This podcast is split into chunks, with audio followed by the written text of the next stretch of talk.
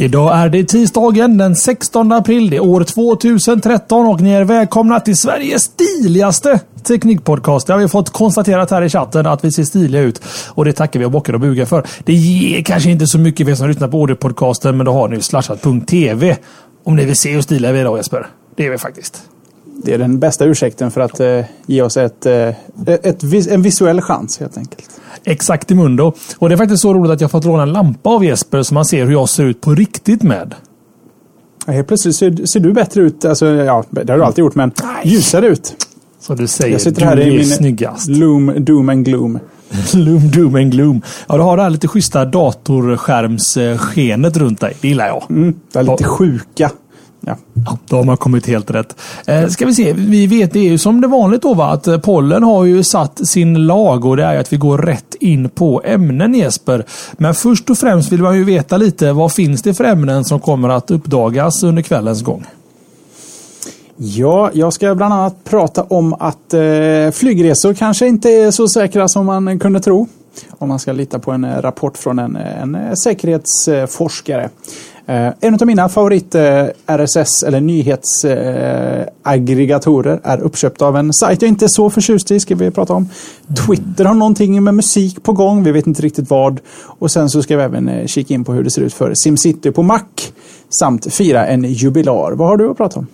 Ska vi se, vi måste ju såklart beröra att eh, Gangnam Style Psy har släppt en ny låt. Ehm, Google har, tar hand om ditt liv efter du har dött.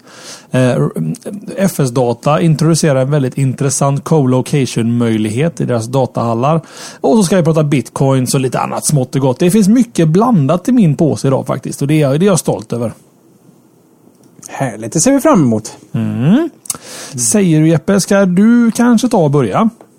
Jag kan ju redan kliva av manus här och eh, gå på mitt första lilla snabba nyhet som egentligen inte alls eh, nämndes här i för, försnacket.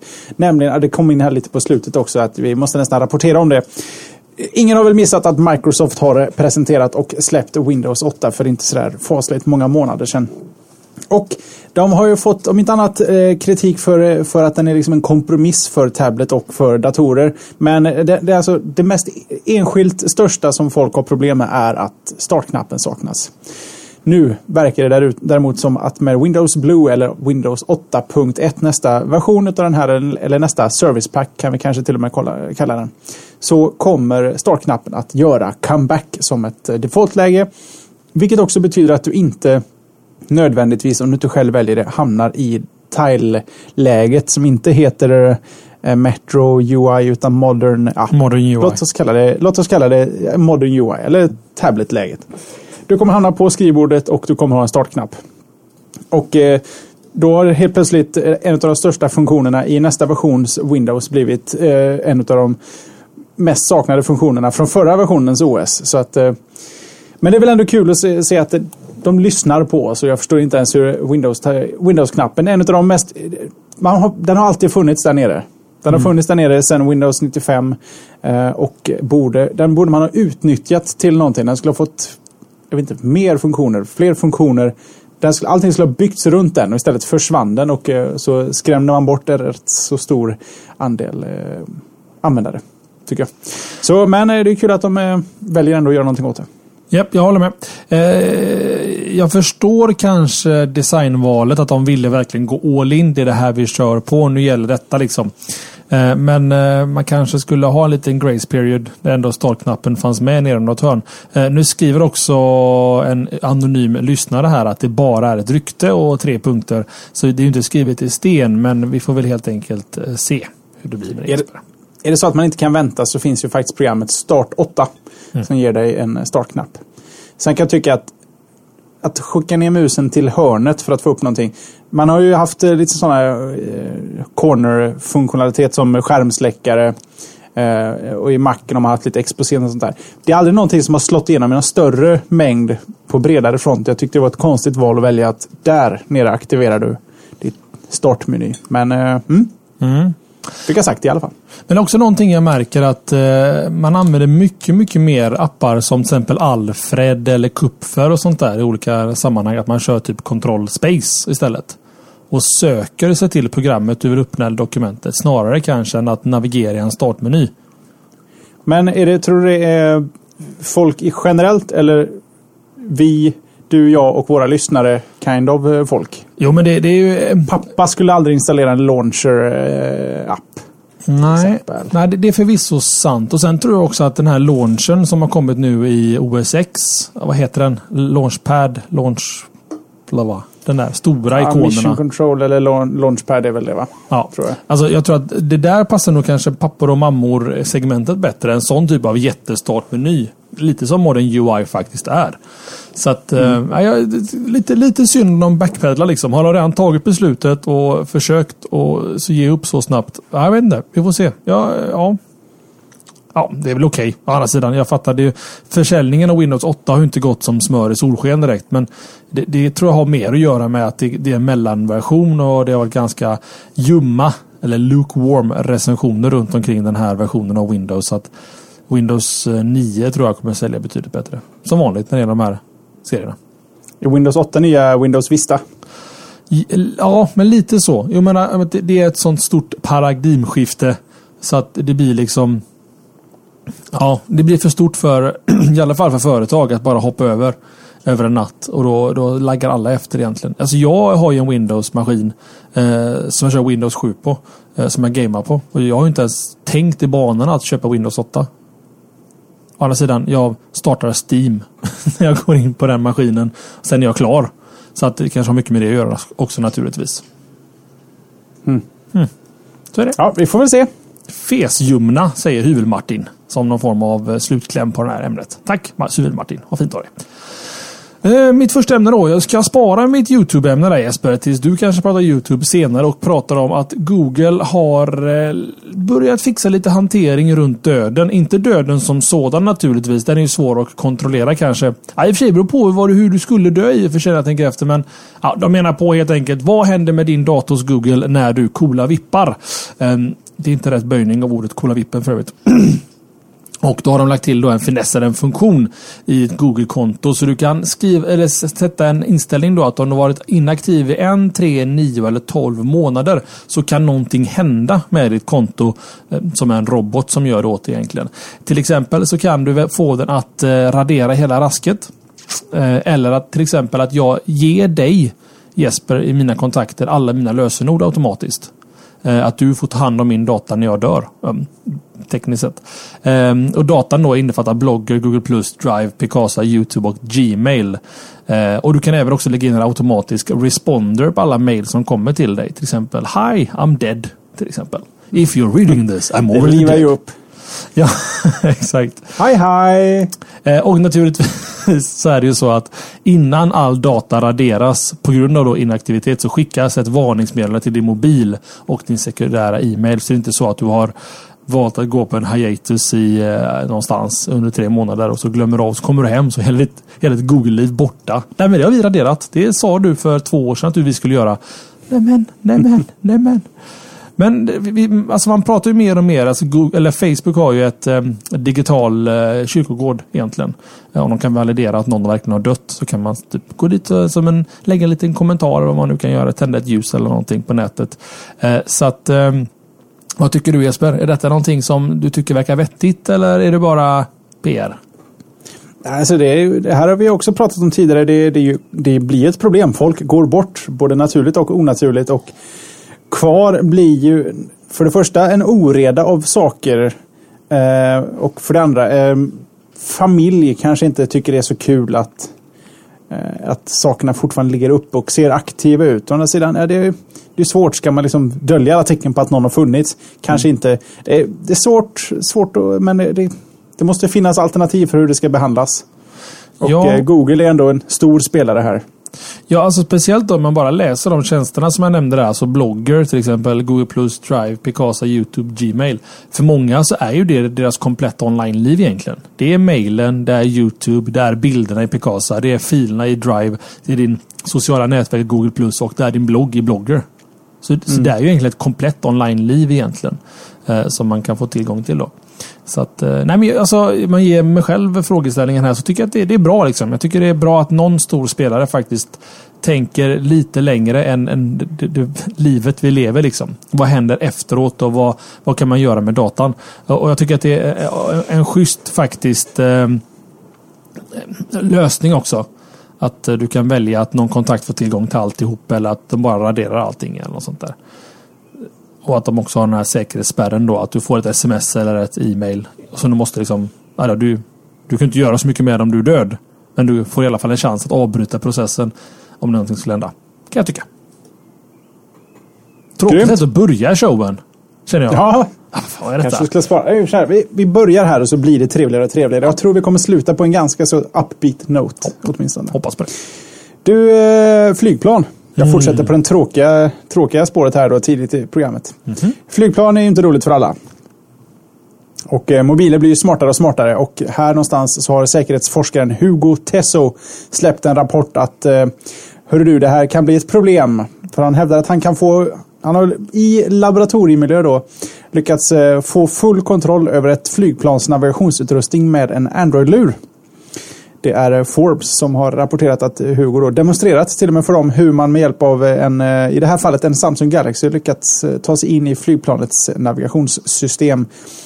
Så länge flygplanet är i autopilot så har man full kontroll utav, över hela navigationen. Eh, åtminstone i, i ja, höjd och bredd, inte höjd och bredd i planets, eh, över kartan så att säga, longitud och latitud. Du kan styra planet, eh, du har full kontroll där. Inte höjd och eh, djup. Höjd över havet säger vi. Mm. Så att du eh, potentiellt skulle du kunna krocka plan som befinner sig på samma höjd.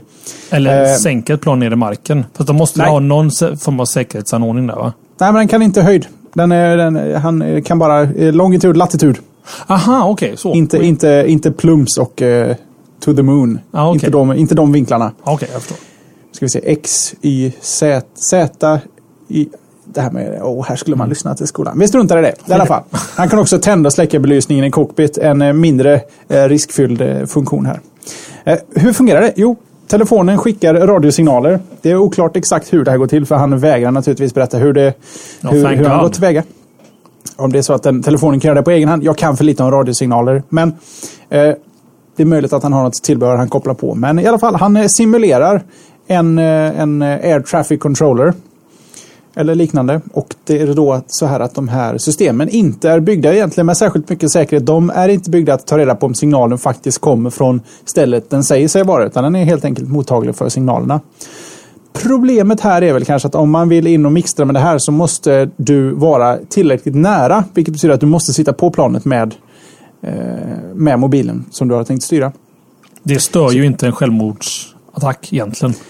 Nej, det är sant. Men Nej. kan du inte krascha planet ner och så har du ett annat... Å andra sidan, du skulle kunna kapa ett plan och bege dig till Ibiza utan att säga att det är du som har kapat planet. Du bara sitter från eh, business class 3A och styr planet höger, höger, höger. Nej, nej, där, ner. Nu måste vi tyvärr göra en mellanlandning på Ibiza på grund av tekniska problem. Score! Kanske.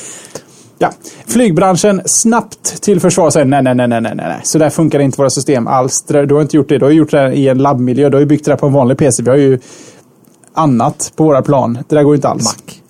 Och... Äh, ja, ja. Gå dit. Gå dit. Mm. Äh, han säger ändå att nej, de, de, får säga vad de vill. Det här fungerar absolut. Och eh, som sagt, han kommer inte att eh, visa dig och mig hur man går tillväga här. Utan han eh, har tänkt att han är ju trots allt en forskare och de jobbar ju for greater good. Han ska hjälpa tillverkare att dra nytta av den här rapporten så vi kan flyga säkert i framtiden. Mm. Sen får man ju aldrig glömma att flygplan som vi flyger med, många nya, men det är också väldigt många gamla plan så att det är inte det är inte alltid senaste servicepacket på de där planen kanske. Alltså, det är en intressant mental utmaning detta, eller egentligen teoretisk utmaning att fundera lite på att eh, de måste ju ha tänkt ändå i banor att det finns. Det, det, är ett slutet system på något vänster, men den kommunicerar ju på något sätt med omvärlden med ett radioton eller någonting. Liksom. Man måste ju ha tänkt i de banorna att det kan ju faktiskt komma eh, alltså en annan signal än en, en godtrogen signal som styr planet. Det låter jättekonstigt att han skulle kunna på något sätt gå in och ta över styrningen av planet.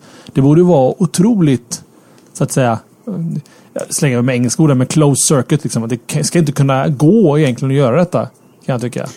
Ja, fast vi har ju hört om mycket sån dumsnålhet eh, genom eh, tiderna. Alltså, när flygplanet uppfanns och då, då var det inte så kan den ta emot signaler? Det var inte det de pratade om. De, de var inne på kan den ta emot signalen? Det fanns det. en och det var den som skulle dit. Det fanns liksom ingen, ingen tanke på att det kanske skulle finnas en annan signal. Mm. Eller kanske till och med en arg, elak signal. Av, av, ja, jag vet inte. Jag, jag tänker högt. Men, det, men det, i alla fall, det är sjukt fascinerande teknik i alla fall. Och jag kan ju förstå varför det ligger han och allmänhetens intresse att han inte berättar hur han har gjort naturligtvis. Det, det vore Absolut. ju förödande. Det, det, ligger också i vårt intresse att eh, tillverkarna faktiskt lyssnar på honom istället för att bara kategoriskt avfärda det. Men å andra sidan, här måste de ju avfärda det. Och sen när de har avfärdat det så ringer de upp den här killen och säger Hur var det nu? Hur gick det till sa du? Ja. nu löser vi det snabbt. Precis. Och som någon eh, lyssnare i chatten skriver, en anonym lyssnare, att det hela låter som storyn till en bra film. Och det kan jag också hålla med om faktiskt. Det blir lite mm. så. Att man styr plan. Ja, nej, men eh, kanske får möjlighet att återkomma till det, det ämnet senare i livet. För att det låter ju onekligen intressant, ska vi säga. Ta oss eh, någonstans. Ja, ska vi se här. Jag har ju en liten kort som jag slänger in och det är någonting som FS-data gjorde här under veckan som gick. Det är nämligen som så att FS-data har eh, släppt en ny produkt eller en tjänst kan man säga och detta är inte ett köpt inslag även om det kommer låta som det. Men de har släppt en ny co-location-tjänst. FS-data är ju en någon internet-leverantör egentligen man kan ställa sin server hos dem som en co-location. Eh, och de låter alltså ställa en Raspberry Pi på i deras eh, moderna eh, serverhall då, i centrala Helsingborg. Och med moderna menar jag att du har saker som strömförsörjning och du har UPS och diesel om strömmen skulle gå och sånt där. Du får även en unik IP-adress eh, till din Raspberry Pi. Eh, en megabit ut och in får du tillgång till. Max 100 gig ut och in i månaden. Eh, och eh, maxstorleken är ju då 10 gånger 3 gånger 7 cm som du får röra dig på. Raspberry Pi är ju jätteliten egentligen. Priset då, och det är det som är nästan nyhetsvärdet, är att det kostar noll kronor att ställa en Raspberry Pi hos dem. Eh, och så sköter de driften helt enkelt av enheten. Eh, och Jonasson är snabb på med chatten här. Modern är lika med strömförsörjd. Ja, jag menar att det blir liksom en, en professionell serverhall om man säger så. Eh, och jag, jag, fattar ju själv att det här är ett PR-trick av sällan skådat slag. Men jag tycker ändå det är, alltså är man ute efter någon att ställa sig en Raspberry Pi eller få en liten server egentligen som har ett interface mot nätet som du kan komma åt och ha en lättare webbserver på eller kanske en IRC-bot eller någonting sånt där så är detta en ypperlig möjlighet eh, att eh, få tillgång, eh, för att få tillgång till en sån lösning. Faktiskt. 100 gig in, 100 gig ut på en 1 megabits lina kan vara värt att nämna om du inte gjorde det. Ja, det sa jag. En megabit. Megabit i lina, inte gigabit. Megabit. Ja, men trafik 100 gigabit ja, per månad in och 100 ut. Yes sir. Yes, sir. Så att, ja, det är ju ingenting för, för dig. Jag vet vad jag, nej, men jag, vill, jag, jag gillar gratis. Jag gillar saker som kostar pengar också, men eh, Ja, lite roligt är det. Inte för att ja, jag vet vad jag ska göra med den där. Jag vet inte ens hur jag skulle få igång den. Det känns inte riktigt som det är mitt område. Men det kanske också vore ett slashat special. Jesper gör något med en Raspberry Pi. Del 1. Så får jag liksom bygga olika saker. Å andra sidan, du har ju lyckats eh, jailbreaka en iPhone. Så det, det är inte mycket värre än det. Att du, ah, då så. Det är, det är ganska enkelt, en Raspberry Pi. Och det jag kan jag också nämna det att de sköter ingen installation åt dig. Utan du får en IP-adress av dem och så får du konfigurera lokalt och sen så skickar du den till dem. Eh, och så sköter de det åt dig då, att stoppa in den i racket. Och man får plats med 30 stycken Raspberry Pis i ett, ett U-rack har de räknat ut då. Man kan ställa det. Trevligt, trevligt. Ska du skicka in en? Eh, alltså, ja men det kan man väl nästan ta lika ta och göra. Gratis är ju jättebilligt. Och jag menar, man kan ju köra något lite kul på den. Till exempel som jag sa, en IRC-bot eller en IRC-server eller vad som helst. Eh, eller jag tror du kan köra också VPN på den. Om du till exempel är utomlands eh, och eh, surfar på konstiga internetcafén och känner att här vill jag inte exponera hela mig själv till omvärlden. Eller i alla fall den närmaste världen runt omkring dig som kanske är Firesheeper eller någonting runt omkring dig. Eh, så funkar det ju faktiskt jättebra att köra en VPN på den. En egen VPN-tunnel. Men eh, tror du att det är det primära? Jag som inte är jag vet inte, så nördig som dig. Va, de som nappar på det här, vad, vad vill de ha en sån här till? Ja, det är förmodligen VPN-tjänster och sånt där. Att man, eller att eh, IRC-bottar och sånt där som jag sa. Det är liksom inte så att du, du driftar ju inte slashat.se från den här maskinen. Liksom. Den har ju bara SD-kort till att börja med. Så eh, read-write går ju ganska segt. Eh, mm. Som de skrev, eh, man vill lära sig grunderna på Linux men då ska man nog snarare kanske låta den ligga hemma och knacka mot den lokalt så inte du råkar paja den på något sätt. För det blir svårt kanske att eh, remote in och fixa den då. Eh, men som de skriver, en Wikimedia-server, man vill ha det. Kanske lägga upp 100 gig ganska mycket data. Lägga upp lite filer kanske. Man vill sånt där. Men det är ju nördigt. Det är, det är, det är en, en, väldigt liten specifik grupp som blir intresserad av detta. Men det är också det, är det som gör det till så bra PR-trick egentligen från FS Data. Och det är just det att de hittar eventuell målgrupp liksom, som kanske kommer köpa mer tjänster av dem för att de fick sälja sin Raspberry Pi gratis där. Faktiskt. Mm. All right. All right. Um, är du nöjd? Ja, det är inte som en kortis. Inte så mycket att diskutera egentligen. Ja, jag har också en som inte... Jag vet inte, det kanske inte är så mycket att diskutera. Min, vi pratar, alltså det är ju så, Googles Reader kommer ju stänga butiken snart och eh, i samband med att den nyheten sprack så tipsade jag ju om eh, allehanda RSS, kanske inte riktiga reader-ersättare, men i alla fall nyhets-RSS-aggregatorer eh, som jag föredrog och en av dem. Och som faktiskt har nästan, nästan tagit sig in till att bli startsidan i mina browsers. Oh. Puls. Använder den var dag, flera gånger om dagen och eh, fantastisk på alla sätt och vis. Och så kliver LinkedIn, likt ryktet sade, in och köper upp den här sajten för 90, eller sajten, eh, företaget, de äger även en app, eh, för 90 miljoner dollar. Vilket motsvarar 3 dollar per användare, alltså har de 30 miljoner eh, användare. Mycket trevligt. Eh, LinkedIn, de har ju på senare tid gjort en hel del för att eh, om ni nu använder LinkedIn så vet ni ungefär vad LinkedIn går ut på. Eh, sajten alla har ett konto på men de besöker en gång vartannat år eller vart tredje år. Eller när de, har, eh, när de söker jobb eller när de byter jobb. Den här sajten är ju ganska stor på nätet. De, eh, det cirkulerar rätt bra med pengar på den här och de vill helt enkelt göra något mer av det här. Och den här sajten tror sig också kunna bli någon sorts eh, nästa stora professionella nyhetsplattform. Och det är enligt eh, LinkedIns Deep Nishar. Och eh, då är väl det här någon sorts steg i att skaffa sig en plattform för att kunna publicera eh, nyheter för, eh, för business och saker, alltså inte vad du käkar till lunch eller hur dina fötter ser ut på en strand. Och något behöver de naturligtvis Det finns ju göra. också Camilla. Absolut, ja, det, det, absolut, absolut. Eh, men i alla fall, LinkedIn. Vi får hoppas att eh, de inte gör en, eh, en Google med Sparrow nu när jag till slut har hittat en bra läsare för nyheter. Så än en gång för er som har lämnat Google Reader eller på väg att lämna Google Reader eller letar efter ett alternativ så får det bli dagens, dagens RSS-läsartips. Puls finns som app och webbapp. Kika på det. Mm. Men här, här blir man egentligen nyfiken. Alltså, du har skrivit att de trodde att det här ska bli nästa stora professionella nyhetsplattform på något vänster. Ja. Alltså vad, vad, vad, vad kan LinkedIn få ut av Pulse-köpet? Jag ser inte kopplingen riktigt. Besöken. Jag antar att de vill få folk till sajten. Vilket gör att jag är, jag är inte så optimistisk för att den här tjänsten får leva orört särskilt länge. Utan den kommer bakas in i i LinkedIn på något Någonstans i något hörn så kommer du snart bli väldigt varse om någon har skickat ett LinkedIn-meddelande till dig eller inte. Okej, okay, men du tror att de har köpt användarna egentligen? Att de har... Eh, fast jag, alltså, jag ser inte den självklara kopplingen. Liksom. Om Facebook hade köpt det här, eller Google eller även Apple i viss mån hade jag kunnat förstå det.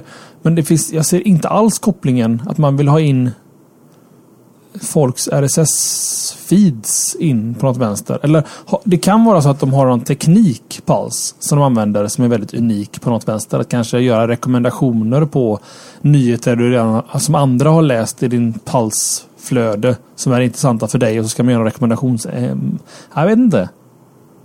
Jag skulle kunna tänka mig att det är en sajt för eh, ditt professionella jag. Mm. Och du har mycket att säga om ditt eh, professionella yrke. Du kanske retweetar. Se det som en Twitter där du, liksom, du själv på något sätt hittar länkar du tycker är intressanta och delar med dig. Och de presenteras på ett snyggt sätt så att du har möjlighet att följa bland folk du känner och bland folk du känner som de känner inom en viss bransch som är intressant för dig kan få det snyggt presenterat annat än i små boxar i eh, en newsfeed på Facebook. Mm. Så, så kanske det är ett sätt att inte bara få dit användaren utan att hitta rätt färdigbyggda plattform att presentera relevant information. För jag som LinkedIn-användare bidrar inte till den sajtens innehåll på något sätt. Om jag inte byter jobb. Då byter jag, ändrar en nuffra, lägger in en ny webbadress. och så är det bra sen. De har ingen content. De, det måste hända någonting på sajten tror jag. Ja, just det. Det var precis det jag skulle säga. Det, det kanske är ett rent att försöka få content till sajten på något vänster. Att man ska kanske profilera sig själv som eh, en kurator för eh, affärsnyheter på något vänster. Och jag tar fram de bästa sakerna ur Pulse Sweden på något vänster. Eller min Pulse-feed och publicerar på min LinkedIn-sida. För att skapa någon form av jag vet inte, marknadsföring av sig själv. För det är egentligen det det handlar om. Man marknadsför sig själv på LinkedIn. Eh, mm. Att de ska ringa från ett företag och säga att du ser ju jätteintressant ut. Det vill vi ha naken. Hopp säger man då. Det är inte riktigt vad jag tänkte. Och så blir det lite rörigt och kanske någon eh, komedi av det. Jag har ingen aning. Jag öppnar, upp, öppnar för allt här. Mm. Mm. Vi Men får se helt enkelt. Ja, och som du skriver där mot slutet. Låt oss hoppas att de inte pajar den. Det tror jag inte. Alltså det, det, det är konstiga användare att köpa om det bara är för användarna. Liksom. Att försöka tvinga in dem i LinkedIn. Ja, det låter bara konstigt. Det måste vara någonting med tekniken. Ja, det tror jag inte. Ja, det måste vara tekniken, ja. Och content men, framförallt. Men om det ska vara värt pengarna så vill man ju samtidigt... Alltså, det, det kan ju inte kosta 90 miljoner dollar att bygga en, en RSS-läsare för webben. Nej, det, det kan det om, om det inte är patent som ligger och skräpar i bakgrunden kanske. Kan det vara i och för sig. Det har ju varit så innan. Ja, nej, vi släpper det nej. och går vidare till veckans forumtråd. Den här veckan som vanligt så har våran forumgeneral Magnus Jonasson satt tänderna i forumskörden. Eller topic-skörden ska jag säga. Eh, veckans forumtråd, topic. Ja, det blir forumtråd, det är bättre att säga va? För topic är amerikanska. Ja, det är väl just det vedertagna amerikanska ordet för forumtråd. Eller mm. är det väl svenska vedertag? Nej, jag vet inte. Jag vet inte. Vi säger forumtråd för det har Det brukar vi kalla det. Ja, precis. Ehm, och veckans forumtråd då, som Magnus har plockat fram och vill belysa lite extra, är någonting som jag är väldigt entusiastisk över. Och det är citationstecken då, vad tråden heter. Ehm, mitt första Arduino-projekt, Ambilight till XBMC. Det är den alldeles underbara Frippan här som har eh, fixat en, ett hemmabioprojekt ska vi säga. Där han har köpt en väldigt, väldigt billig och låg lågströmsenhet. Väldigt likt en Raspberry Pi. Men Arduino är lite, lite annorlunda. Jag tror det är väl det närmaste samma sak tror jag. Vet du det någon skillnad på dem Jesper egentligen eller? Nej, jag tror att det är nog bara en, två olika märken. Ja, men verkligen. Jag har sett dem på, på bild. Som en Saab och en Volvo. Båda är en bil som tar dig från A till B. oj, oj, oj Tommy. Bil. Öppna inte den. Öppna Nej. inte den. Nej. Någon dag ska Men, jag vara med i. I, i, I princip. Ja, i, i, i väldigt förenklat men, fel, men eh, typ så. Ja. Hur som haver, eh, han har alltså byggt då eh, att eh, XBMC, det finns ett plugin till XBMC som heter, kanske till och med heter Ambilight eller något motsvarande. Där XBMC är ett mediacenter. Eh, som Bob, Bob någonting va? Ja, just det. Bob Light. I alla fall, XBMC visar en film till exempel. I en film så har du olika färger framför dig. Kanske lite grönt och lite blått. Och vad det här programmet då gör, den skickar en signal till, till hans Arduino låda som i sin tur skickar en färgsignal till lampor som sitter runt tvn. Så är det väldigt grön scen så blir det ett grönt sken bakom tvn. Det finns någon tv-tillverkare som har patent på det här tror jag. Som är, typ, är det Philips eller Sony eller någonting som har Ambilight? Philips Ambilight. Ja, och då är det ju inbyggt det där. Eh, men i hans fall då så gör han det helt själv. Eh, med, med tanke på eh, ja, alltså det är den billiga hårdvaran och framförallt supernördiga och roliga tekniken som används. Eh, Philips, säger Jonasson, äger rätten till Ambilight. Så du kan alltså göra det själv med förhållandevis enkla medel. Jag försöker fortfarande eh, eh klappa Frippan så han ska sätta upp ett kit till mig som jag behöver bara installera. För jag känner att så fort vi pratar lödkolvar så faller jag långt utanför, eh, inte, kanske inte intresseområdet, men kunskapsområdet i alla fall, för att få detta att funka. Eh, och som Jonasson skriver här mot slutet, ett projekt som är helt klart, att, eh, helt klart värt att uppmärksamma eh, och som gjorde att det började klia i fingrarna på egentligen hela Slashat-redaktionen. Ehm, så att det finns då under datorer och hårdvara och den heter eh, Mitt första Arduino-projekt Ambilight till XBMC. Och jag kan säga så här Frippan, det finns pengar i att sälja sådana här kits. meddela bara rakt av för din del. Synd att det inte funkar med Plex. Det hade jag ju plockat med en gång. Ja, problemet är väl att Bob Light, alltså den som skickar... På något sätt så är det någon binär som läser av skärmen och kollar vilka pixlar på något sätt som är igång och skickar bara häxkoder egentligen. Måste det vara på något vänster. Ja, fråga mig inte hur. Jag är bara imponerad för Frippan har varit duktig med att visa videoklipp i det här eh, forumtråden. Jag har följt det med med intresse. Det ser riktigt bra ut. Till slut får han det. Det blir, det blir riktigt, riktigt nice. Frippan, Frippan är ju i chatten där. Hur mycket pengar har du lagt ungefär på hela lösningen om man säger så? Och, och nu kör den på en Mac Mini. Du behöver inte räkna in vad Mac Mini kostar. Liksom. Den, den, den faller lite utanför projektet som sådant. Men eh, för ljusen kommer ju från Ikea och inte ut. Ja, en 500-lapp skriver han. Och det är väl inklusive Arduino då misstänker jag. Så att eh, plus så då... den låg på 500 bara den? Nej, inte enligt Frippen då. Eh, ja. där. I alla fall, topicen på forum.slashat.se. Där, där finns allt eh, ni behöver veta om det här projektet. Och framförallt har ni egna små roliga både Arduino-projekt eller Raspberry Pi-projekt. Till exempel min Raspberry Pi agerar ju eh, ka, inte kabel-tv utan tv-mottagare här i huset och skickar en tv-signal in via ett tv-kort in i min Raspberry Pi och dekodas om till eh, HTTP-stream egentligen och skickas ut alla mina XBMC-enheter i huset så jag kan sitta med nya versioner av XBMC och köra PVR då egentligen. Eh, också ett nördigt projekt som jag någon dag eh, inte kommer att ha tid att skriva alla grejer jag har gjort eh, runt omkring det där. Men har ni ett projekt ni är igång med eller framförallt har frågor till Frippan eller på något sätt vill kommentera detta som han pysslar med eller har förslag eller funderingar så är det då under datorer och hårdvara som ni hittar topicen. Eh, mitt första Arduino-projekt, Ambilight till XBMC. Och jag gillar att han skriver att det är hans första projekt. Det kan komma mera från den här mannen tror jag Jesper. Han säger att han sitter och lödar en accelerometer. Nej, det var någon annan, förlåt. Ja, de är, det är händigt folk som lyssnar på Slashat. Jag känner mig... Jag, jag, jag som ändå lever med en trasig TP-sladd som vi diskuterade i försnacket här. Jag har liksom ingen tummen mitt i handen. Vilket är lite konstigt med tanke på att jag har en historia av att bygga datorer. Alltså, jag vet, alltså, hade jag kunnat leva om delar av mitt liv så skulle jag nog vilja lära mig mer om typ elektronik. Alltså hur, hur el Lärt funkar. mer, legat mindre. Kanske. Nej, alltså inte så, men liksom på något sätt. Så långt är det inte vilja att gå någonstans. Nej, för guds skull. Man måste ha ett samliv. Nej, men jag menar på liksom att alltså, man får ju någonstans välja. Det handlar inte bara om fritid, utan kanske till och med gått typ ellinjen i gymnasiet eller någonting. Liksom. Att man har gett sig in på det. Fast då har jag i och för sig inte fått det och det. Jag vet inte. Nästa liv Jesper, då jäklar. Då. Då händer då det. Då bättrar vi alla saker som blir fel i detta. ja, de få saker. Eh, det blir väl jag igen här egentligen då. Va? Och jag har ett jätteämne. Ska vi inte släppa in dig och lite YouTube-snack där så kan vi ta två ämnen samtidigt där i princip. Ja, jag har ju en, en liten kortis där egentligen. Mm. Eh, och, och, det är ju faktiskt som, vad vore egentligen eh, vi utan YouTube? För YouTube är ju är bra på många sätt och vis. Vi, ni vet ju att vi gillar siffror och vi gillar även att fira saker. Det var inte så länge sedan vi firade att mobilen fyllde 40 år här och vi hade nog helt och hållet missat att videobandspelaren fyller 57. Oj, vad va inte vore för YouTube. Ojämnt. Och precis, vi brukar ju inte riktigt damma av saker när de fyller ojämnt. Om det inte händer i samman, eh, samband med någonting. Och YouTube valde ju naturligtvis att fira det här runda, jämna, fina 57 med att lägga till ett litet VHS-läge på utvalda video, eh, videoklipp.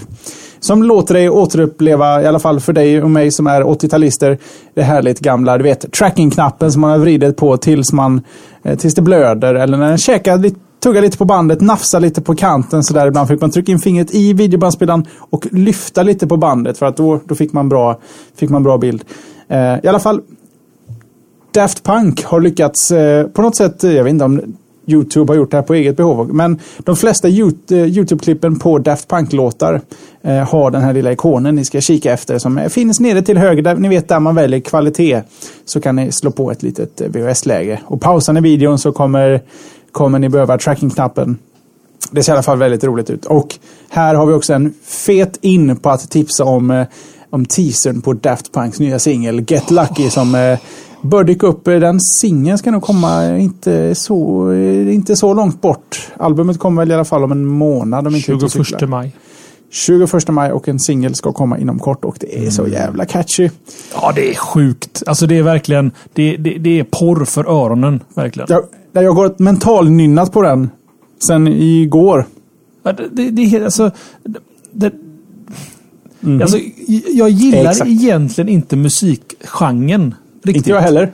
På något sätt. Men det, harmonierna sitter så bra tillsammans. Och det är så catchy och det är så perfekt. Och videon och allting. Ja, det, det är liksom någon form av eh, symfoni eller en harmoni av komponenter som bara harmonerar perfekt i mina öron. Sen är jag lite, jag, alltså jag gillar Daft Punks senare grejer och kanske lite mer åt eh, deras Tron-soundtrack-grejer liksom. Men deras nya album ska tydligen vara akustiskt då, eller? Eller ja, inte akustiskt, det är ju digitalt naturligtvis. Ja, det är bara riktiga instrument som, eh, som spelas, inga samplers och syntar. Mm. Jo, en av rösterna, de sjunger ju med sina synthesizers. Ja, de kör vocoders på rösterna. De mm. försöker få robot att låta så mänsklig som möjligt istället för att i dessa autotunade tider få människor att låta så robotiska som möjligt. Så har de vänt på det. Men eh, i övrigt är det riktiga instrument som gäller. Hmm, spännande. Eh, du kanske kan bjucka på en liten länk i, i chatten där nu för oss som lyssnar på oss live så de får sitta och bobba lite med huvudet till den här låten. Då finns ju risken att de missar delar utav ditt nästa ämne som ska följa kort helt, på detta. Helt okej. Okay. Om vi jämför Gangnam Style med Get Lucky så, så får ni gärna lyssna på Get Lucky istället. Um, Oj, nu fick de fel länkar också. Jag ber om ursäkt redan i förhand. Så ska jag kunna slänga. Ja, förlåt. Pratar du så fixar jag länk. Och, och så, det är väl featuring Pharrell heter han va? Pharrell Williams Just från det. Nerd. Ja, grym sångare. Allting och så någon gitarrist som tydligen någon legend bland gitarrister. Eller, ja, ja, jag är entusiastisk inför det här skivsläppet faktiskt. Eh, ska vi se. Och mitt eh, relaterade ämne då till Youtube. Där helt enkelt då att Psy som gjorde Gangnam Style då har släppt sin nya singel på Youtube kan man väl säga då. Eh, Gangnam Style, om vi bara snabbt recapar det där, är ju att ehm, eh, den har spelats 1,5 miljarder gånger på Youtube och är med ganska god marginal då den mest spelade videon får man väl säga, fast in, musikvideon i alla fall eh, på Youtube. Ehm, eh, in, enligt The Independent så har Psy tjänat närmare 100 miljoner kronor på den här låten. Eh, och han introducerade också en ganska originell dans som även Jesper har dansat, finns tillgängligt på Youtube för den som kan googla som en duktig pojke eller flicka har fått då en enorm uppmärksamhet. Lite av en perfect storm egentligen av eh, sound och eh, karaktär och kanske jag vet inte, och dansen. Det, det, så, det finns ju de som forskar i viralism om det är ett ord. Alltså vad gör en sak viralt? För jag lovar att eh, Sony eller Universal eller de, några andra skivbolag skulle betala hur mycket pengar som helst om man kunde ge dem en formel eller en formula på hur man gör en låt viral. Den spelas 1,5 miljarder gånger på Youtube. Eh, hur som haver, han har i alla fall släppt sin nya låt som heter Gentleman. Eh, gentleman, eller Gentleman. Ja, försiktig man, typ. Eller vad är, vad kallar, vad är svenska gentleman? En, en gentleman kanske? Ja, det kan man säga ja. Så kan vi prova. ibland. Saker och ting här. Eh, han släppte låten i samband med en konsert i Seoul där han spelade inför 50 000 pers. Låten är ju som låter det närmaste som Gangnam style med liksom elekt lite elektro, lite försiktigt åt eh, dubstep-hållet, lite trioltempo här och var för att dra igång dansgolvet. Eh, och ganska, ganska standard egentligen och lite rap då naturligtvis. Eh, det som skiljer, skiljer den här låten är att det är ganska mycket engelska fraser med den här här nya låten. Vilket inte är helt otippat kan man väl säga. Eh, och naturligtvis då så har den en egen dans. Den här nya låten Gentleman. Eh, I förmiddags, alltså tisdagen den 16 april 2013 så hade den spelats 89 miljoner 143 242 gånger på Youtube och då släpptes alltså låten för tre dagar sedan. Så närmare 100 miljoner spelningar på tre dagar för den här låten. Har du, har du hört låten Jesper? Ja, jag kan också uppdatera att den är på 98 miljoner 600 000 just nu. Det är också ganska bra. Ja, det är okej. Okay. han har ju en marknadsföringskanal i alla fall den här grabben. Kan man säga, Ab genom Youtube. Absolut, och det fanns ju ingen chans att han hade kunnat få göra en Gangnam style till. Även om han har gjort exakt en Gangnam style till fast det är inte en Gangnam style. Det låter eh, tvärtom ganska illa, tycker jag. Uh, har inte alls charmen av första. Vi ska sitta och recensera uh, One Hit Wonder memes från uh, Sydkorea. Men, men, men, men han försöker. Kan, tror du den kan slå Gangnam Style i antalet spelningar? Aldrig. Inte en chans. De här 100 miljonerna är ren nyfikenhetsträffar. Så du skulle... Ja, ja jag kan väl kanske hålla... Ja, ja, säg så här. Det som... Jag tror det kommer avta snabbt här. Varför jag tittade på Gangnam Style några gånger av de här 1,5 miljarder visningarna. Det var nog att det var ganska rolig video också. Han hade ett kul formspråk och lite roliga danser och det var, det var mycket detaljer att titta på liksom. Jo, här. problemet nu är att dansen är inte lika bra, låten är inte Nej. lika bra, videon är inte lika bra. Det var det jag ville komma till. Att det är liksom, han, han, har, han har blåst de korten liksom. De, de S han hade i rockärmen för, för, Nu är det bara samma hand igen och nu vet vi vad han har för hand. Man pratar fortsätter med pokertermer liksom.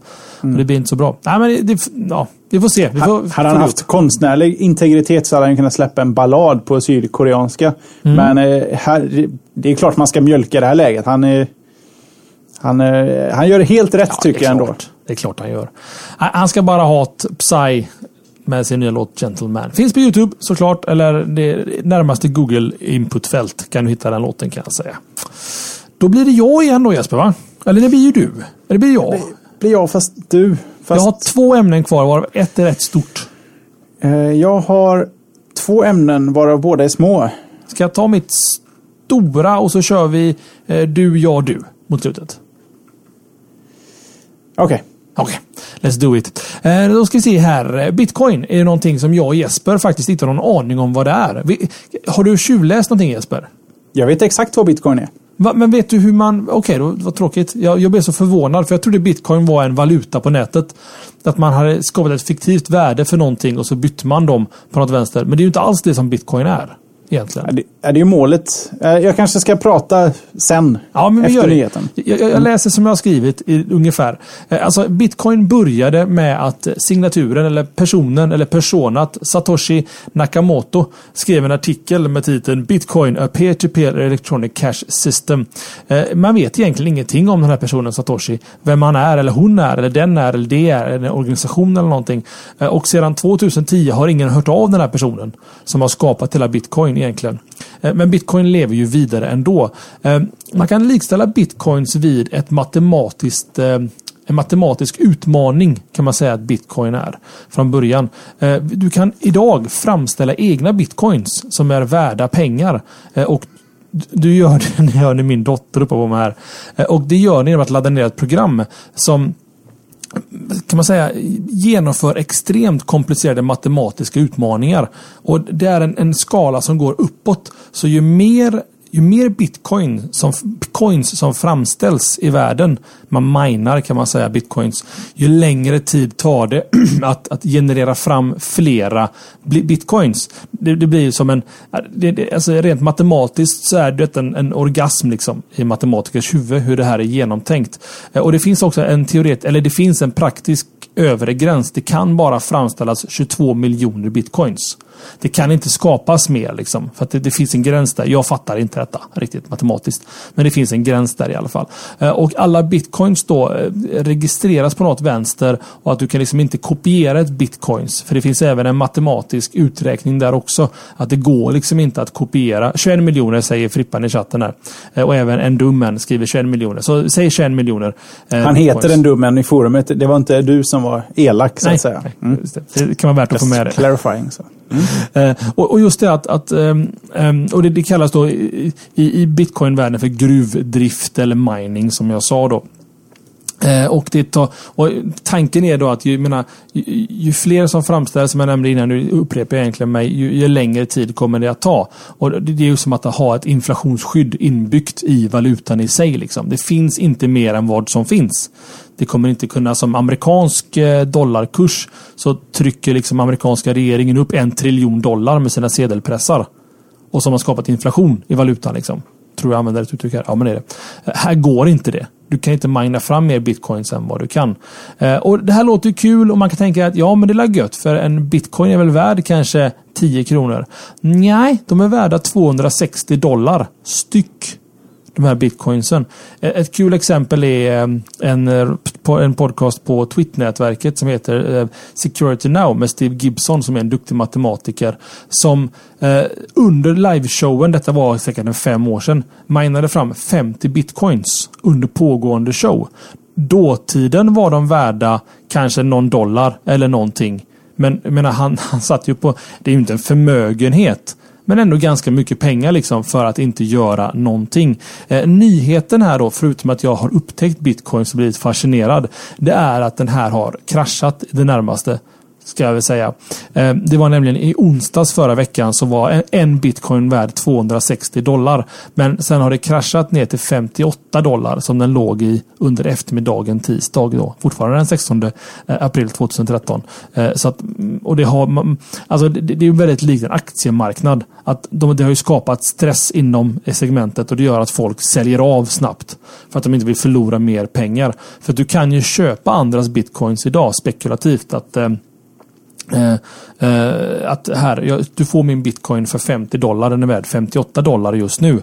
Du losar 8 dollar men får ut dina 50 dollar för du kanske köpte den för 1 dollar. Uh, bitcoinen.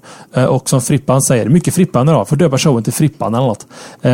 Fripp, Frippan säger att den är uppe i 70 dollar igen. Så att hade du köpt bitcoins för riktiga pengar med ett Paypal-konto så hade, den, så hade du idag tjänat, ja vad blir det, 12 dollar. Liksom, drygt 100 spänn bara under dagen. Så det är ju som en aktiehandel. Eh, också som en dummen igen då, i chatten skriver. Så det spännande med bitcoin är att det inte finns något som backar den. Liksom. Det finns ingen guld, det finns inga guldtackor eller diamanter. Det finns ingenting. Utan det är bara efterfrågan som styr. Och hur mycket folk är villiga då att investera eh, i framtiden. För jag menar, köpte du tusen bitcoins för tusen dollar för fem sex sju år sedan. Så hade du i onsdags Eh, 260 000 dollar på fickan. Liksom. Eh, så, så, det är bitcoins och jag har skrivit discuss. Finns egentligen hur mycket som helst att prata om rörande detta. Eh, ja, okay, så, och som Fjordjun säger, det finns egentligen ingenting som backar upp dollarn heller. Det har du också helt rätt i. Eh, det var ju guldhandel förr i tiden då som hade ett värde. Då, men, och det finns en hyfsad efterfrågan. Det finns ju folk som som sätter upp stora kluster med datorer och GPUer framför allt. Eh, eh, Matti, eller en, en anonym skriver att min kvot av liksom är idag fylld. Och det, det, det kan jag faktiskt hålla med om. Jag brukar säga precis ofta. Men här blev det mycket eh, ord liksom faktiskt. Jag förstår inte helt vad detta är. Men naturligtvis så fascinerar det mig som, som nörd. Eh, var det här vad du trodde att bitcoin var Jesper? Tror du bara var en, en Paypal på något vänster?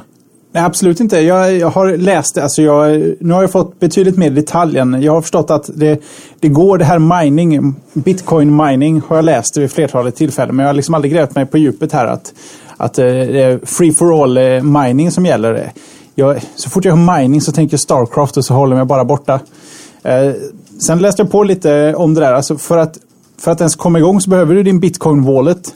Vilken, vilket inte är särskilt alltså det är rätt komplicerat allt det här. Ja, det, alltså, det, att handla med, speciellt i Sverige. Det finns ju ingen, du kan inte handla med det i Sverige utan att betala så här, mellan 10, 20, 30 procent bara i avgift för att få köpa en. Mm. Så det finns ju en hype här som man ska kanske se upp för också. Det är det absolut. Men också att alltså, det är ju det är en spekulativ valuta egentligen. Det är som en aktie. Jag tror inte du ska tänka... Alltså jag, jag tror inte ens idén med bitcoins var att man skulle gå till 7-Eleven och köpa en cola för en bitcoin. Sen så finns det en rätt intressant story med en kille som sålde sitt hus för bitcoins eh, och någon som köpte en pizza. Och det var någon som räknade om det. Han kanske hade gett 10 bitcoins för 10 år sedan eller 5 år sedan för en pizza. Som är idag är, var värd då i onsdags 2600 dollar för den pizzan. Så det, det handlar ju mer om att investera pengar i ett fiktivt värde på något vänster. Eh, och eh, Ja, ja, vi får se vad som... Men den här mining-biten. Eh, mm. Den med fetast datorer blir rikast. Någonstans där ja, men också man får ju... Alltså, alltså, datorer kostar ju att köpa på något vänster. Du, du kan ju inte bara hit, alltså, ta datorkraft ur tomma intet. Absolut inte, men du kan ju vara professor på... Eh, då, då är det ju de, de privilegierade, eh, pri, privilegierades människornas eh, valuta. Det är väl i och för sig all valuta. Så att på så sätt tillför inte bitcoin något nytt. Nej, och, och, men samma också att, att du får tänka på det att det är uträknat så att det blir teoretiskt jäkligt svårt att mina fram mer coins ju längre tiden går. Men man räknar väl kanske också med att, att datakraften kommer att öka. Och jag tror jag läste någonstans att, och chatten gärna hjälpa mig, var det 2014, sent 2014, tror man att alla 21 miljoner bitcoins kommer vara framminade på något sätt. Eh, och det kommer ju intressant att se vad, den, vad kursen står i då slutet på 2014. Så, så det här kan ju vara, alltså eh, har man några 2017 säger en dummen igen i chatten här. Aha, okej, okay, jag måste ha hört fel. 2017. Eh, och jag menar, eh, det är onekligen så att har du några tusen dollar som bränner sönder i fickan så kan du investera dem i bitcoins. Eh, lika väl som du kan investera i ett företag för att eh, finns ju lika stor eh, vet du, återbetalningsmöjlighet egentligen i båda varianterna. Eller så kraschar det som det gjorde tidigare nu i veckan. Pengarna. Sätta en massa Raspberry Pis på FS data och låta dem mina. som Hyvel-Martin skriver mm. i chatten. ja, men, ska vi se här. Ska vi eh, tassa vidare i ämnena? Det var ett stort ämne som jag sa. Jag blir bara fascinerad och kommer spendera hela natten och läsa detta. Tror jag och läsa om detta. Och det slutar med att jag kommer att ha minat fram någon krona om något år eller något. Så kommer vara värda en dollar. Eller något. Då ska jag prata om något annat så länge. Eh, en jäkligt luddig nyhet som egentligen inte är en nyhet för det finns inte så mycket att säga än. Men jag måste ändå nämna det. För vi älskar att prata om Twitter i tid och otid. Eh, förr i tiden så pratade vi om när dyker Twitters affärsmodell upp. Det har vi nästan gett upp. Nu kanske vi är någonting på spåren här. För nu har rykten börjat cirkulera ganska så kraftigt om att Twitter har någon sorts musiktjänst på G. Och ryktena har funnits ett litet tag men de, det verkligen exploderade i början av förra veckan. Och då sa ryktet att på fredag släpper Twitter någonting som heter typ Hashtag Music, om eh, man får använda den eh, formuleringen.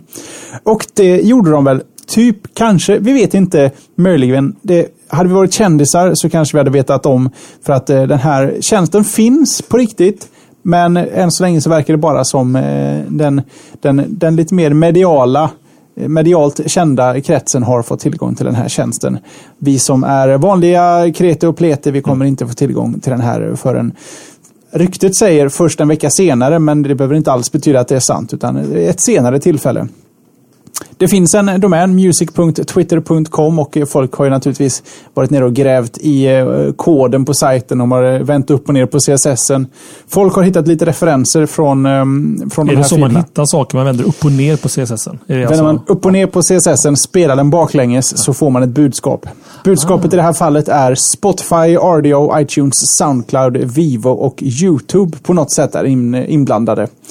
Och eh, folks slutsatser så här långt. För kändisar som har tillgång till tjänsten har ännu inte berättat faktiskt vad det är för någonting. Och eh, de ryktena som just nu cirkulerar är att det handlar om, om någon sorts rekommendationssajt runt musik som ändå ska knyta ihop tjänsterna. Inte så mycket att det är ett samarbete där alla de här jobbar ihop, men att Twitter på något sätt kan koppla ihop det på ett sätt så att man kan lyssna på det enkelt och få rekommendationer via, jag vet inte, vänner eller någonting. Men mm. jag sa luddigt, vi får helt enkelt se när den här tjänsten dyker upp.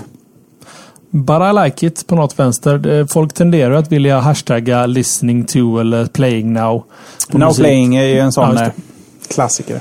Och jag menar, alltså, med tanke på den, den stora mängden lyssnare som finns, eh, eller som, som använder av Twitter, så är det en ganska bra data att läsa ifrån egentligen. Få, få fram ganska intressant statistik om låtar och sådär. Så det kommer jag, jag, tror ju att det kommer vara en eh, rekommendationssajt, precis som du har skrivit.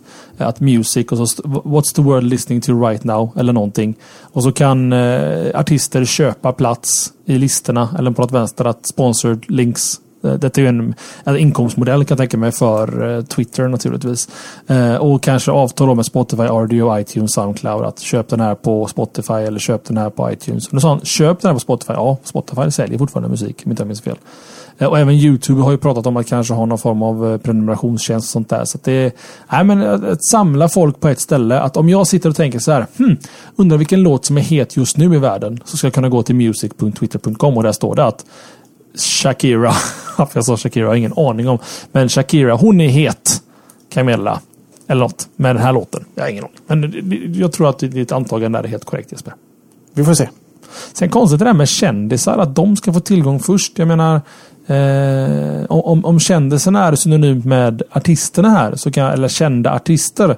Att man kan typ lägga upp sin bio på något sätt. Att Airbase-bion på music.twitter.com man vill få in några stora band från början. Till Coldplay, Metallica och det tänket. Då, då kan jag förstå varför man vill ha musikkändisar med där. Eh, men eh, nej, jag vet inte. Vi får se helt enkelt med music.spotify.com. Det är ett konstigt medieklimat nu. För det räcker med att man har med kändisar så spelar det inte så stor roll vad det gäller. Ja. Det spelar ingen roll om det är en ny app. Vi har kändisar på tv som hoppar simhopp. Vi har eh, kändisar som dansar fast de inte kan. Vi har eh, kändisar som eh, spelar hockey. Vi har kändisar som dirigerar. Dirigentyrket har liksom aldrig varit primetime-yrket. eller liksom det, det, har inte varit där uppe bland astronaut, polis och brandman. Utan, nej, men det ska kändisar göra, för de kändisar gör det. Sen att det, det är liksom Malin, Malin vad heter hon? Åkermans syster. Någon idolkille som åkte ut i första omgången. Eh, spelar ingen roll. Det är en sorts kändis och det räcker. Ja, det, är, det är fascinerande där just Kunde inte hålla mig från en kändis-rant. Eh, ja, det får man. Och som Marcus skriver i chatten, vad gör alla superokända människor hela dagarna? De lyssnar på Slashat. Det är väl en boktitel, va? Kanske. Kan du googla på så ska jag ta Fredrik Lindström. Kortis. Aha, okej. Okay. Vad gör alla superokända människor hela dagarna? Ja. Apropå uh, musik. I mm. film så finns det mycket musik. Ska vi gå tillbaka till det där cheesiga segways som vi hade under en period? kan vi kanske göra. Ja, vi får se. Eh, I alla fall, eh, Netflix dumpar Microsoft för HTML5 eller snarare Netflix dumpar Microsoft-produkten Silverlight. Idag så är det ju så att Netflix, Netflix drivs av Microsofts instickprogram eller plugin Silverlight. Som egentligen skapades som en konkurrent till Adobe Flash. Eh, och mm, Adobe Flash är väl på väg av kartan och så även är Silverlight. Indirekt, Microsoft meddelade i alla fall i förra veckan att de kommer lägga ner utvecklingen av webbläsarversionen av Silverlight år 2021. Så att det gäller att vara ute, ute i god tid så partners har gott om tid att, att ändra på sig. Men, eh, och Netflix har ju använt Silverlight för att strömma video sedan 2008. Men de har valt nu då att hoppa över till HTML5 som de anser vara ett bättre format för nätet. Ehm, eh, de ska, och de, innan övergången ska, kan genomföras krävs det dock att standarden för hur video hanteras i HTML5 anpassas till något som Netflix kallar för HTML5 Premium Video Extensions eh, på något vänster. Eh, Netflix uppges då att de samar eller uppger att de samarbetar med VC3 som är ett standardiseringsorgan då för nätet för att skapa den här standarden som ska fungera med alla webbläsare utan insticksprogram.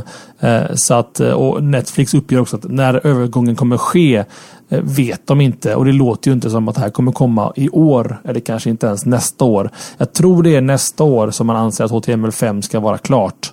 Eh, om det är slutet på nästa år till och med. Så att eh, sitt inte och bit naglarna Jesper att få gå över till HTML5 för Netflix. Men, men det lovar ju gott i alla fall att man tänker för framtiden för videostreaming online eller i brynaren ska man säga. Jag har aldrig haft illa, jag har aldrig haft någonting ont emot Silverlight. Men det är kanske för att jag aldrig haft tillräckligt många tillfällen att eh, bli besviken av dess eh, funktion eller prestanda. Ja, det är samma sak här. Alltså, jag vet, Silverlight är väl någonting som är ganska ovanligt tror jag. På våran sida av hemisfären. Eh, I USA så var det väldigt stora gnäll för att det var ju någon tv-kanal som fick rättigheterna till sommar-OS för något år sedan. Eller vad det var. Och mm. den sajten streamade uteslutande i Silverlight. Jag kan tänka mig att Microsoft pumpar in ganska mycket miljoner dollar i den här, de licenspengarna. Då. Eh, och, och, då var det mycket snack på nätet och framförallt i amerikanska podcasts i, som rör om teknik. Eh, just ja, att, eh, att det, var, det var ju ramaskri att man måste installera Silverlight för att kolla live på OS på CBS eller vad det var. Eh, men jag vet inte. Jag har aldrig, aldrig heller använt det. Jag tror inte ens jag har sett någon Silverlight-grej någon gång faktiskt. Faktiskt. Ja, men då så. Mm. Mm. Då ska vi se här. Då var du, hade du någon liten, liten slutkläm där va? För jag är ganska nöjd så. Ja, en liten har jag och det är ja. ju faktiskt det att du vet ju hur det är. Saker kommer till PC mycket tidigare än Mac. Självklart. Eh, lite som de kommer till Android. Fungerar inte riktigt. Sen till Mac eller till iPhone så funkar det. Alltså vänta eh, nu här. Nu försökte du vara rolig. Men det är väl så att fortfarande att eh, Primetime-plattformen för en ny app, det är fortfarande iPhonen. Man släpper iPhone först. Ja, just det. Jag ska vara riktigt ärlig så kommer den dit är bra. Sen kommer den till Android ett år senare. Fungerar bättre. inte. Och sen så, eh, så styr de upp den och när den väl har nått iOS-nivå så får iOS en helt ny version som är ännu fräsigare. Det gäller inte bara Facebook-appen till exempel, men även Googles egna appar som Maps som blev helt plötsligt bättre på iOS när den väl släpptes. Det är intressant. Det var inte alls därför, men det är så lätt att halka in på det spåret. Det är som det där bananskalet ner iOS, eh, en Android Road. Allt ligger utlagt för att halkas på. Nej, vad jag pratar om är hela det här SimCity-livet runt att eh, Ja, man var väl tvungen att vara uppkopplad hela tiden. Folk blev utkastade kors, tvärs och Polygon som recenserade spelet gjorde det liksom i etapper. Den hade jättehögt betyg. Server kraschade, den fick lägre och lägre betyg tills den fick jättelågt betyg. Nu ska tydligen, eh, eller ja, jag kan inte lova att det är löst, men å andra sidan eh, kritiken har ju avtagit så att något, något någon sorts ordning måste de ha fått på det här spelet. Och när de väl har fått ordning på PC-spelet, då är det dags att introducera premiumplattformen. För att den 11 juni är det dags, då kommer SimCity. Egentligen vårat, om vi kvantifierar vårat tycke från GameX eh, i höstas, eh, det spelet vi var, såg mest fram emot och eh, då är det alltså SimCity som nu kommer till Mac 11 juni och eh, det ser vi fram emot. Eh, några av nyheterna, det är inte en, det är inte en rak port från PC-versionen till Mac utan det är en helt native-variant gjord på OpenGL. Däremot kommer man att spela mot samma servrar som PC-versionen så att du kommer kunna spela mot dina PC-vänner och sen är det faktiskt så att köper du Mac-versionen eller PC-versionen för den delen så kommer du få motsvarande den andra plattformens version gratis och tvärtom. Så nu håller vi bara tummarna att serverproblemen är lösta. För sen behöver jag ta en eh, kort paus från slashat några veckor och eh, spela bort eh, lite ungdom i SimCity. Fascinerande egentligen. Jag, jag ähm, spelade mycket SimCity när jag var... Eller spelade mycket. Det var en av de få spelen som fanns på diskett liksom, som man kunde få låna av kompisar. Eh, jag tyckte nog det var roligt men jag vet inte. Det här har inte alls eh, dragit överhuvudtaget. Och det är inte de, de, de, de, de surmulna recensionerna. Både för teknikfadäsar och kanske lite att spelet är ganska begränsat tycker många. Det är inte, man bygger inte de här storslagna världarna eller städerna. Utan att det, det, det blir ganska små städer förstod jag det som. Men det här har inte alls riktigt dragit. Jag vet inte varför. Uh, jag vet inte Jesper. Äh. Men du är sugen? Jag är sugen och Magnus tror jag också är sugen. Han har ju redan köpt PC-versionen tror jag. Magnus ja, Jonasson här i chatten. Jo, men han är, han är en... en ja, men då har han ju Mac-versionen. Så då får jag tycka om honom ändå. alltså det funkar det så att det vore ju snyggt om, som Magnus då, lånar han som exempel, har ju gameat på PCn. Eh, undrar om han bara kan seamlessly hoppa över till Mac-versionen sen och bara logga in med samma konto och vips, där är din stad. Det vore coolt. Jag förutsätter det. Ja, egentligen inte. Ja, det kan han, säger Emil B från Sweetlockers. Eh, och Emil kan sånt här. Så att då, då blir det så. Vad bra, vad skönt. Coolt, nice, snyggt, fräscht. Vi bara förutsätter att Emil, han, eh, han kan sånt här. Han kan sånt här. Eh, jag tycker att vi avrundar med att Emil kan sånt här. Den här veckans ämnen. Ni trodde jag skulle avsluta showen. Nej, nej, nej, nu kommer det roliga. Nu ska vi prata pollar och annat enligt det nya formatet. Och det var nästan exakt en timme ämnen Jesper. Idag. Mm, not bad, not bad. I like it. Eh, förra veckans boll löd som följer. Accepterar du att skicka läskvitton på e-post? Det här fick vi förklara lite innan eh, bollen här förra veckan. För att det är inte helt självklart vad ett läskvitto är. Men det är helt enkelt så att vissa klienter, e-mailklienter då, stödjer att du kan skicka så kallade läskvitton. Jeppe likställde det vid sms-rapporter. Eh, men att användaren kan interagera då. Att öppnar jag ett mail i Outlook så kan det stå att användaren som skickade mejlet vill att du verifierar verifierar eller skickar ett kvitto på att du har läst mejlet. Har du läst mejlet? Ja och nej. Och så trycker man ja. Eller så trycker man ja och nej. Det är de alternativen som finns. Eller kanske till och med avbryt tror jag finns också. Eller svara inte. Eh, och det är egentligen bara Outlook som har det funktionen eller det systemet. Eh, de här traditionella eller större webbsystemen, eh, Gmail, Hotmail, de här har ju inte stöd för det som jag vet i alla fall.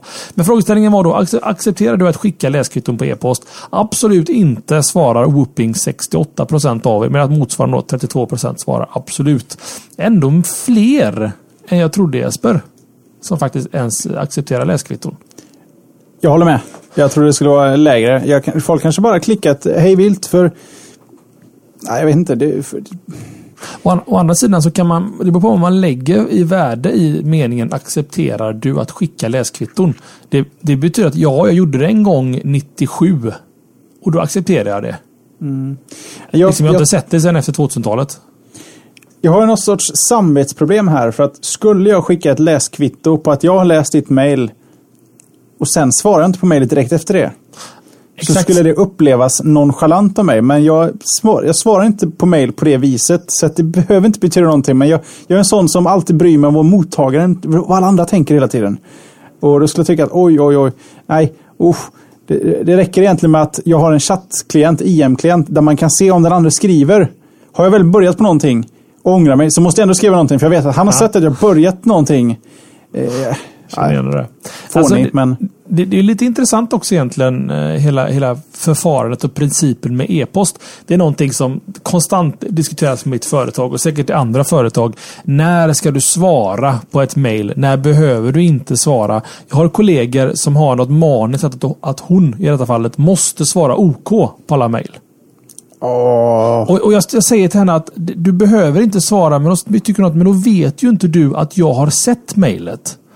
Och då känner jag att okej, där kan det finnas ett, en mening med ett läskvitto.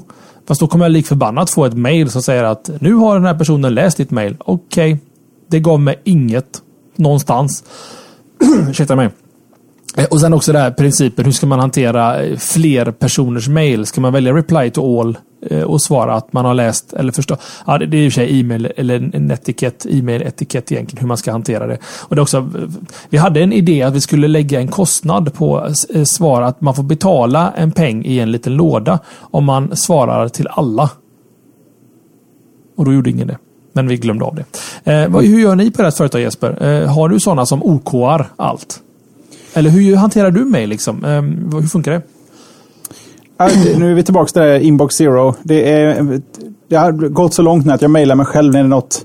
När jag får ett, någonting på mitt bord som jag måste göra som inte kommer i mejlform och jag vet att jag kan liksom inte be den människan gå och mejla det. Då mejlar jag det till mig själv och så är inboxen en eh, så fort jag har gjort det så kör jag arkivera på, på den. Och så fort jag har svarat på mejl, även om jag inte har löst problemet, har jag svarat på mejlet så arkiverar jag det med en gång också.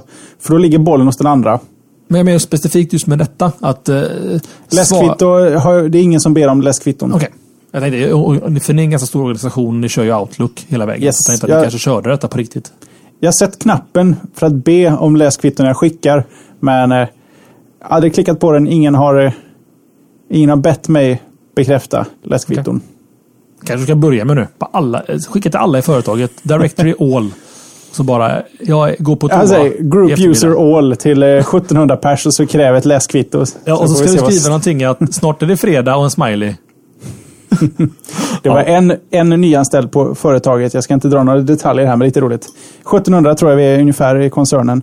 Hon, hon började en onsdag och så skulle stora ledningen för huvudbolaget komma till det här kontoret på fredagen.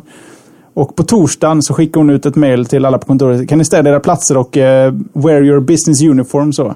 Och dra Ja. group user-varianten till vd, alla i hela bolaget. så.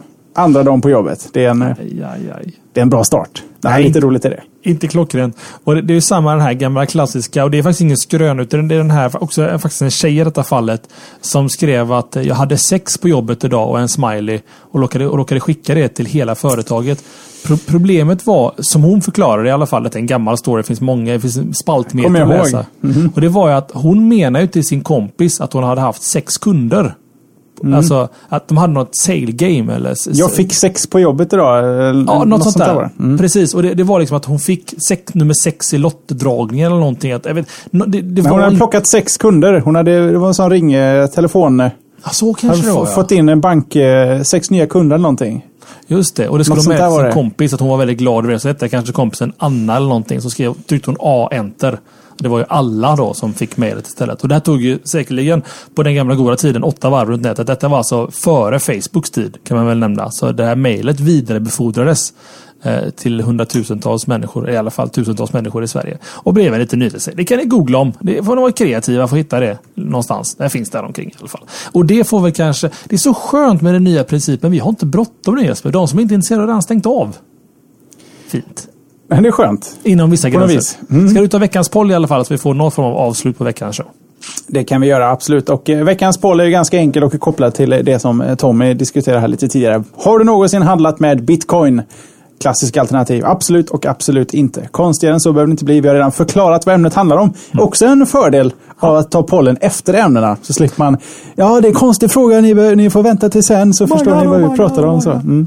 Det finns dock ett litet förtydligande där och då- menar vi inte handlat i den här fysiska eh, aktiviteten att du har handlat med ett bitcoin eller köpt någonting för ett bitcoin. Att handla med en aktie är att du byter in aktier mot pengar och sånt där. Alltså du har ja, ordet handla. Liksom. Fast inte i ICA-kontextet egentligen. Eh, rör jag till det nu eller förstår alla Jesper tror du? Ja, jag hoppas det i alla fall. Ja, eventuellt kanske. Vi får se. Och alternativen Jeppe, eventuellt så eller eventuellt inte så är absolut och absolut inte. Precis som vanligt. Eh, har vi någonting annat att säga? Snedstreck social, alltså domännamnet slashat.se snedstreck social finns det mesta. Eh, att eh, man vill hitta oss på andra sätt. Vi brukar säga av någon anledning att facebook.com slashat är ett bra ställe att trycka like på. Vi vet inte riktigt varför vi vill att ni ska likea på Facebook, men någon, vi sa det förra veckan, det finns säkert någon poäng. Eh, köpt eller sålt bitcoins, säger anonym lyssnare i chatten. Det är också en bra formulering på pollen. Men nu står det handlat med. Att, men köpt eller sålt bitcoins. Handla är väl att köpa och sälja? Ja, men det är ju det precis. Men jag är rädd att folk skulle tro att det var eh, som att 7-Eleven varianten, att man har handlat på ICA med dem. Liksom. Det är ju svårt att göra det, för det finns ju inte riktigt använt. Skit, ni fattar. Herregud vad ni är duktiga i chatten idag. Men alla fattar. Alla är på samma sida. Och socialsidan i alla fall. Där kan man gå till om man vill hitta oss på olika sätt. Och som jag sa, facebook.com slashat. En like där betyder så mycket för oss, men betyder egentligen ingenting för dig. Eller oss, egentligen. Vi har ingen aning om eh, vad, vad vi ska vi det till. Finns det något annat Jeppe? Donera kan du prata lite om. Hur ger de oss pengar? Eh, antingen så sätter man över allt på en gång. Eller så sätter man över det i delar så att inte skattmåsen upptäcker det. Ja, eh, Alternativen finns båda tillgängliga på slashat.se donera.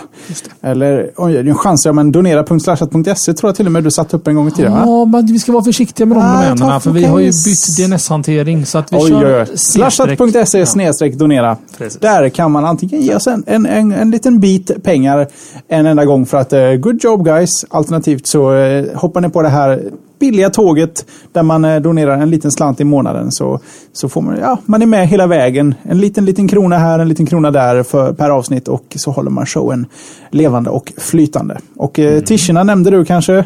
Nej. Nej, tischerna. Vi har lite t-shirts. Eh, är det slashat.se shop då kanske? Jaman. Där kan man ju eh, hjälpa till genom att köpa våran Elite eller våran Premium t-shirt, den svarta t-shirten då man inte bara blir man snyggt klädd, man får även en eh, liten donation med. Eller ja, t-shirten är lite dyrare när den är svart och då går en liten slant till oss. Den vita är en ren eh, för dig t-shirt så att säga. Du köper den och så är du glad men inga pengar till oss. Så att det finns en möjlighet att donera även där. Och eh, som vi har sagt, de här t-shirtarna kommer inte finnas för evigt. Eh, kanske försvinner, kanske får en ny look sådär. Det här är ju första batchen så vill man verkligen vara med på det tidiga tåget så är det kanske dags att hoppa på det där inom kort. Samlarvärdet är ju högt på den här t-shirten kan man meddela. Ja, verkligen. Och sen får tisa, det kanske finns andra produkter runt omkring Slashat som skulle kunna vara aktuella att ha i shoppen, kan man säga. Kan man säga, kan man utan säga. att säga så mycket mer än så. Finns, eh, om man är duktig och går tillbaka i mitt Twitterflöde och bilder för mitt Twitterflöde så finns det en bild på en eventuell Slashat-produkt i framtiden. Så får en lite mm. kvällsaktivitet också. Det blir roligt Jesper för dem allihopa. Mm. Scrolla, det är roligt. Ja, det, det är grejer. Det och lyssna på Slashat ska ni göra varje tisdag klockan 20.00. 19.30 för er som lyssnar på podcastversionen så drar vi igång med försnack. Nu blir det eftersnack för klockan är kvart över nio och det är hög tid att avsluta. Förra veckan var jag så himla kort i mitt avslut Jesper. Det var så att man satte nästan kaffet i halsen. Man tänkte nu är det mys så var det slut. Har du några väl valda ord du kan avrunda med? Jag han nästan sätta halsen här för vår lilla sändningsmackapär eller app. Eh, den, den frös och då fryser jag. Oj. Men nu är, den, eh, nu, nu, nu är jag glad att den är tillbaka så att jag kan stänga av den och så eh, ses vi väl om en vecka igen. Så får vi hoppas att den blir bättre eller något. Jag vet inte. Samma tid, Nej. samma tv i alla fall. Mm, mysigt. Har det gått Jeppe? Har det gått lyssnarna? Har det gått mig själv? Uh, what he said. What he said. Hej då! Ciao!